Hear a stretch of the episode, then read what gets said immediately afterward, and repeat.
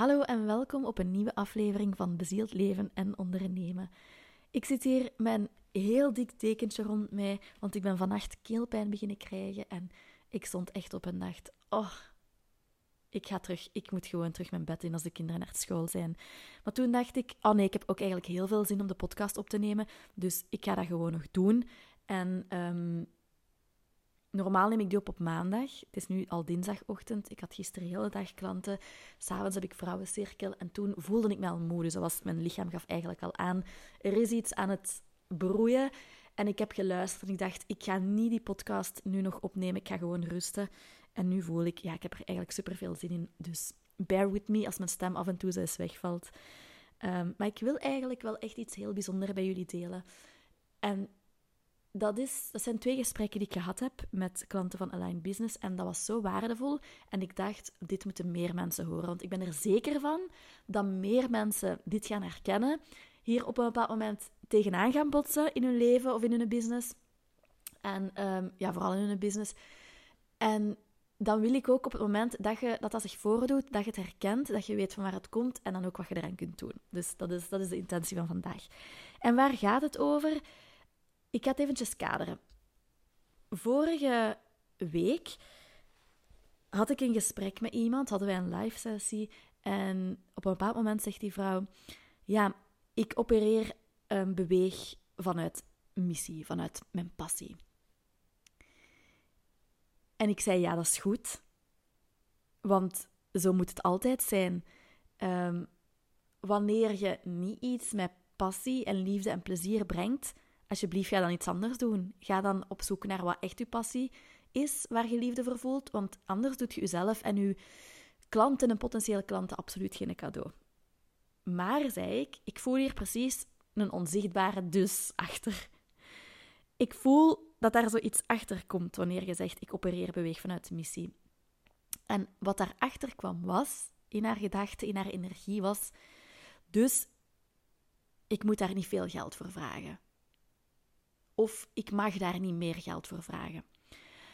En dat is heel interessant dat dat naar boven kwam, want zij, het eerste wat ze zei voordat ze, toen als haar intakegesprek voor Align Business aanvroeg, was ik wil in uw energie stappen, want ik vind het echt fantastisch hoe dat jij unapologetically achter je prijzen staat. En ik heb daar al eens een podcastaflevering over opgenomen. En nu gaan we ook nog eens iets dieper. Want toen als zij zei, ik opereer en beweeg vanuit missie. En dus mag ik daar mag ik mijn prijzen niet verhogen? Want dat is het stukje waarop zij botst. Dat ze gefrustreerd is omdat ze ziet dat de spelers in haar veld wel hoger prijzen vragen en daar wel achter staan en dat zij het om de een of andere reden niet kan. Dus dan op dat moment moeten we gaan zoeken ja, van waar komt dat? Hoe komt dat dat je dat niet kunt? En dat is vaak omdat daar, allee, altijd eigenlijk, omdat daar belemmerende overtuigingen onder zitten. Ik zie vaak dezelfde belemmerende overtuigingen terugkomen, maar dat is, ja, het is niet altijd voor iedereen hetzelfde. En bij deze vrouw was er de overtuiging. Als ik dingen vanuit een, een, een passie en een missie neerzet, mag daar dus niet veel geld voor gevraagd worden. En als je dan wat dieper gaat kijken, dan komt dat eigenlijk van het idee: ja, andere mensen moeten toch niet opdraaien voor wat ik wil in het leven voor de dingen dat ik wil kopen, voor de dingen dat ik wil bereiken. En dat is iets dat je wilt shiften. Want als je het gevoel hebt van ik mag geen geld vragen voor wat ik doe, omdat ik dan profiteer van andere mensen en ook een beetje de energie van ja, moeder Teresa eigenlijk wel, hè? Van ik moet alles gratis doen omdat ik een missie heb en de wereld helpen. En de wereld helpen moet gratis, zodat iedereen toegang heeft. En het is niet spiritueel om geld te vragen. Dat is iets dat ik heel vaak zie bij mensen. Als je die energie hebt en die belemmerende overtuiging, ja, dan, dan gaat je dat ook voelen. Dan gaat dat heel hard wringen als jij geld vraagt. Als jij je prijzen zegt, nog, nog maar luid op zegt tegen mensen als jij um, je prijzen wilt verhogen, als je voelt van ja, ik heb dat eigenlijk wel nodig hè, om dit hier te kunnen blijven doen. En dan wordt het moeilijk. Want zoals je ziet bij deze vrouw, er, er komt frustratie. En die frustratie is een energievreter in uw business. Dus ik wil jullie helpen om dat eens anders te gaan bekijken. In de plaats van te denken dat het niet spiritueel is, of goed is, of integer is om geld te vragen om mensen te helpen en hun missie in de wereld te zetten, heb ik de volgende vraag. Is mensen oprecht helpen? Is dat mensen laten opdraaien voor wat jij wilt? En dan heb ik het echt over oprecht helpen. Hè. Ik ben er zeker van dat de meeste mensen die naar deze podcast luisteren een oprechte intentie hebben en echt een passie en een liefde voor. En dan is het altijd oprecht. Is dat echt, laat je dan mensen opdraaien voor u? Want hoe dat ik het zie, is dat er eigenlijk gewoon een, een overdracht is. Jij geeft iets vanuit liefde en passie en zij geven daar gewoon iets voor terug. Want geld is ook alleen maar energie. Er vindt gewoon een overdracht plaats. En wat mij ook heel erg geholpen heeft, is er zijn echt mensen die u op dit moment aan het manifesteren zijn. Net zoals dat jij een hele, een hele manifestatielijst hebt en dingen in het leven wil roepen, zo zijn er op dit moment mensen die opschrijven of zeggen: Oh, dit is wat ik wil leren, dit is waar ik hulp mee nodig heb, dit is wat ik in mijn leven wil, dit is wat ik wil kopen, dit is um, waar ik geluk in ga vinden, dit is wat mij gaat helpen, of deze persoon. En doordat jij dan niet uw ding in de wereld zet, kunnen die mensen u niet manifesteren. En als je je prijzen niet vraagt en als je niet, ja, ik wil, ik het in het Engels zeggen, live up to your potential, maar ook prijsgewijs, als je niet op in die juiste niche en markt en in die juiste energie gaat staan, als die prijs niet energetisch klopt, dan kunnen die mensen u niet manifesteren. De juiste mensen kunnen niet tot u komen en jij kunt niet tot bij hun komen. En dat is gewoon heel belangrijk. Je ontneemt mensen net iets. Dus ik hoop dat je voelt dat het wel helemaal oké is om het geld te vragen dat je wilt en dat je nodig hebt om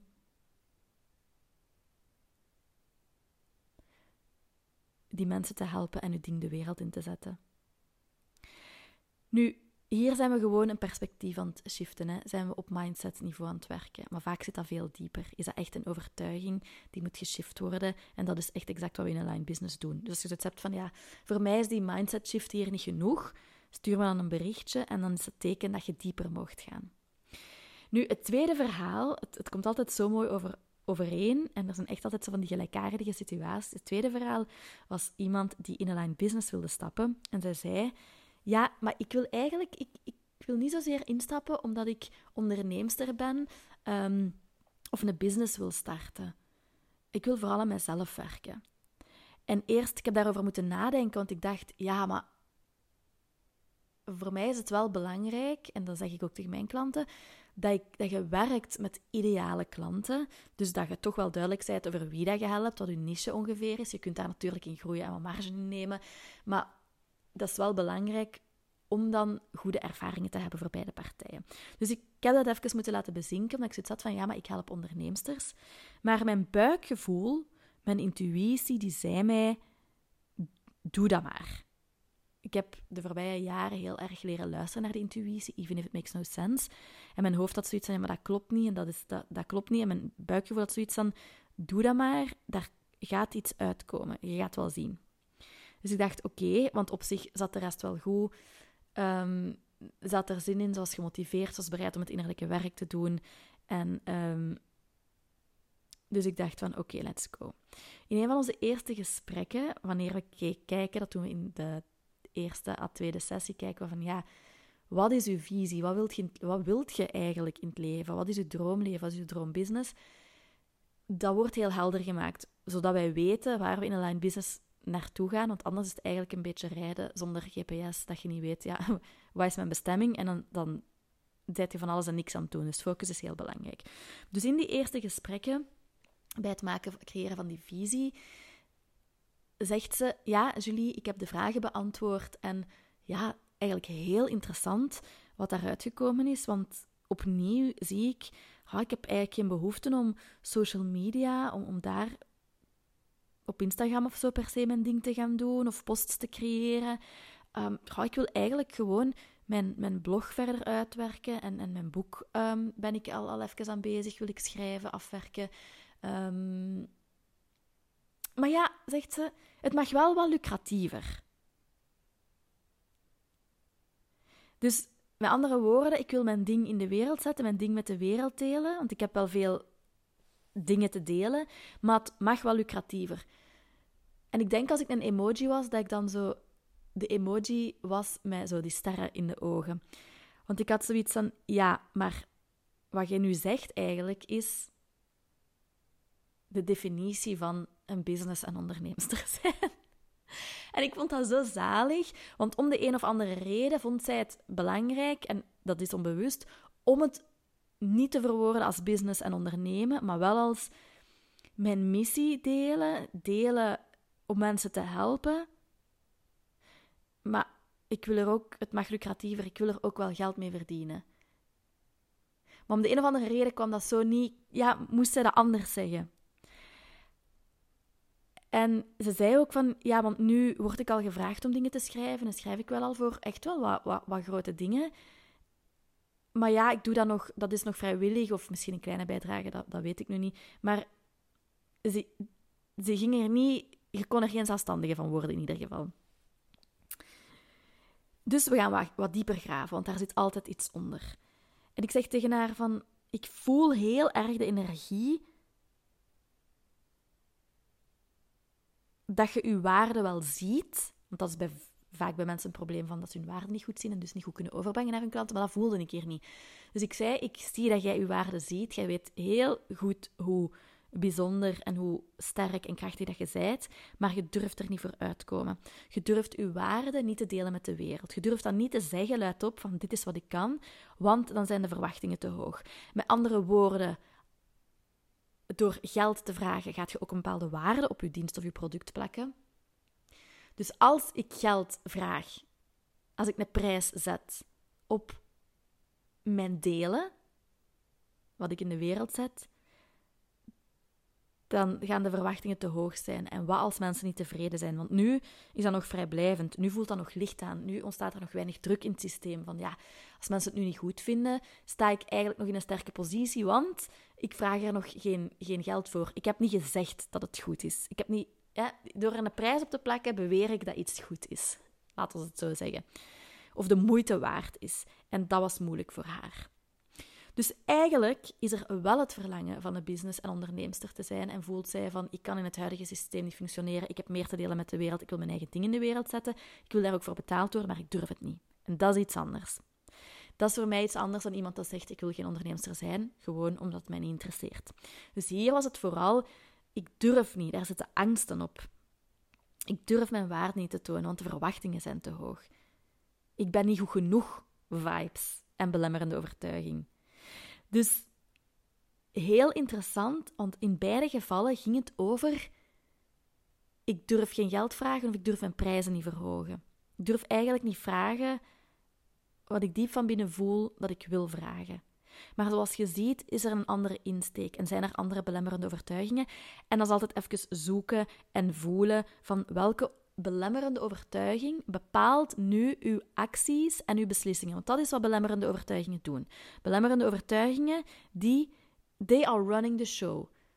Als je zo kijkt naar een poppenkast, waar zo, zoals vroeger, met zo poppen met touwtjes aan, waar je dan van boven dat moet vasthouden, dat er zo met, niet, niet waar je zo je hand in een pop moet steken. If that makes any sense. Maar dus echt zoals in The Sound of Music, waar ze zo met die poppen zo met touwtjes ja, waar ze die zo langs boven vasthouden. Dan het hand dat het vasthoudt, dat zijn de belemmerende overtuigingen. Dus die wilt je bewust maken. Want zolang dat die, onbewust, dat die onbewust zijn, zijn zij eigenlijk aan het bepalen wat er wel of niet gebeurt in je leven. Want in het eerste geval, in de eerste casus, laat het bij een casus noemen. Laten we het even heel professioneel doen, het een casus noemen. In de eerste casus um, was de belemmerende overtuiging ervoor aan het zorgen dat deze persoon niet het geld volgens ze wou en zich ook gefrustreerd voelde. Naar anderen en naar zichzelf toe. In het tweede geval zorgde het, zorgde het ervoor dat ze um, eigenlijk in haar comfortzone bleef, maar ook niet gelukkig was, want ze is financieel afhankelijk. En ze heeft het verlangen om financieel onafhankelijk te zijn, in combinatie met haar passie met de wereld te delen. Dus mijn vraag naar u is: zijn u, laat het maar even bezinken, zijn er bij u nog belemmerende overtuigingen de show aan het runnen zijn, die aan het bepalen zijn wat je doet of niet doet? En hoe weet je dat als er nu dingen in je leven zijn waar je niet blij mee bent? En in je business, ga eens kijken. Wat wil ik eigenlijk anders, maar lukt mij niet om de een of andere reden? Hens de belemmerende overtuigingen. En dan ook om af te sluiten, wat ik daar ook zo wat uitgehaald heb voor mezelf, is vaak wordt business en ondernemen door gepassioneerde, bezielde, spirituele mensen geassocieerd met iets negatiefs. Met sleazy sales, met verkopen, met mensen in het zak zetten. En het kan ook echt anders. Dat heb ik de voorbije jaren voor mezelf. Ik, ik was ook zo. Ik had zoiets van: oh my god, ik wil echt niet zo. Ja, precies. Of je zet zo'n deur-aan-deur verkoper niks mis mee, hè. Maar ik heb dan zo, zoals bijvoorbeeld in de films, dat die zo hun voet tussen de deur steken en dat die je eigenlijk misleiden en dat die iets verkopen wat niet goed is of niet gezond is en dat die je eigenlijk in het zak zetten. Zo voelde ik mij heel lang in mijn business. En totdat ik dat ben gaan aanpakken, gaan inzien en ben gaan aanpakken, stroomde het gewoon ook niet zoals ik het wou. Heel veel met ups en downs, niet consistent. Ik moest heel veel trekken en sleuren. Maar dat kwam ook omdat ik me niet in integriteit voelde. Want in mijn ogen was ik iemand dat niet... Ja, was ik een sleazy salesman of woman. En dus, ik heb dat moeten reframen. Ik heb die dat was een belemmerende overtuiging. Dat is iets dat ik ergens ooit heb opgepikt. Misschien door te veel tv te kijken. Of door gewoon dat, dat je vaak heel spirituele en goede mensen ziet die dingen voor niks doen. En dan gedacht van, ja, ik moet dat ook zo doen. Maar het mag en kan echt wel anders. En het is niet omdat je spiritueel bent of gepassioneerd of bezield bent, dat dat iets negatief is als je daar dan ook geld voor vraagt en daar een business van maakt. En dat is iets dat je mocht gaan shiften in je systeem. Dus dat vond ik zo belangrijk om in te zien. Ga, dat anders, ga daar een ander verhaal van maken. En ga nu zelf ook de vragen stellen van hoe kan ik dat meer in integriteit doen? Hoe kan ik mij wel oprecht voelen? En laat mij vooral ook weten wat het met u gedaan heeft, welke inzichten dat je gekregen hebt en ehm, wat uw next best moves gaan zijn. Heel veel liefs en tot snel.